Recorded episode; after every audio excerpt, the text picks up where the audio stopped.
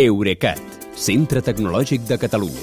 Innovant amb les empreses. Innovant amb tu. Albert Cuesta, bona nit. Bona nit, Kilian. Bona nit i mullada, per cert. França imposarà sí. un mínim de 3 euros de despeses d'enviament dels llibres comprats per internet.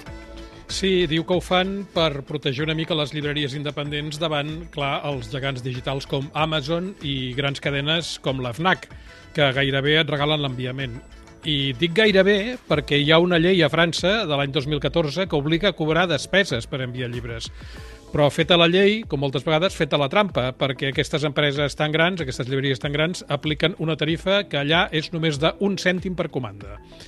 A partir d'ara eh, sembla que hauran de començar a cobrar un mínim de 3 euros per comanda, que en qualsevol cas està per sota de les despeses que aplica una llibreria independent típica, que segons Reuters ronden els 7 euros.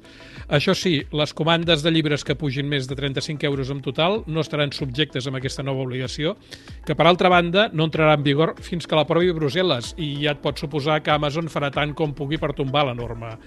Eh, de fet, mentre es negociava la llei, ja van amenaçar que imposar unes despeses d'enviament mínimes afectarà la inflexió i perjudicarà sobretot els lectors en zones rurals. I aquesta norma francesa es podria aplicar també aquí? Quina és la situació aquí? Doncs, aviam, el nostre mercat s'assembla al francès, amb què el preu del llibre aquí és fix, també. Uh, com allà, amb un descompte màxim del 5%, que arriba al 10% en ocasions especials com Sant Jordi. En canvi, aquí el preu de l'enviament, a diferència d'allà, no està regulat i amb la pràctica passa el mateix que a França. Una gran cadena com Casa del Libro, per exemple, del grup Planeta, té l'enviament de franc si li compres més de 19 euros. I hi ha molts clients d'Amazon que paguen el servei Prime anual, que és una quota que inclou les despeses d'enviament, però no només dels llibres, sinó de qualsevol altra cosa que hi compris. En canvi, segons la plataforma bookshop.org, les despeses d'enviament que cobra una llibreria independent d'aquí són d'un mínim de 3 euros i mig i més aviat solen rondar els 5 euros per comanda. Mm. I com és que les despeses d'enviament tenen tanta importància? Doncs perquè, tot i aquest preu fix que dèiem, el llibre és un producte amb un marge comercial molt baix i si una llibreria petita regalés les despeses, aquests 3 euros i mig o 5 euros se li menjarien tot el marge. Pensa que la meitat de les llibreries independents de l'Estat factura menys de 90.000 euros a l'any amb llibres i els llibres aquests tenen un preu mitjà entre 15 i 20 euros. En canvi, Amazon eh, es pot permetre perfectament no cobrar l'enviament perquè, tot i que factura entre 200 i 300 milions anuals en llibres, si no cobra l'enviament ho compensa amb altres productes. Ja, I, i el pes de la venda per internet?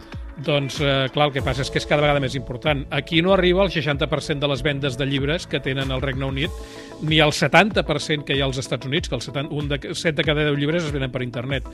Però a França, un de cada 4 llibres es venen a la xarxa i aquí la proporció és encara una mica més alta. La consultora GFK el situa en un de cada 3. Mm.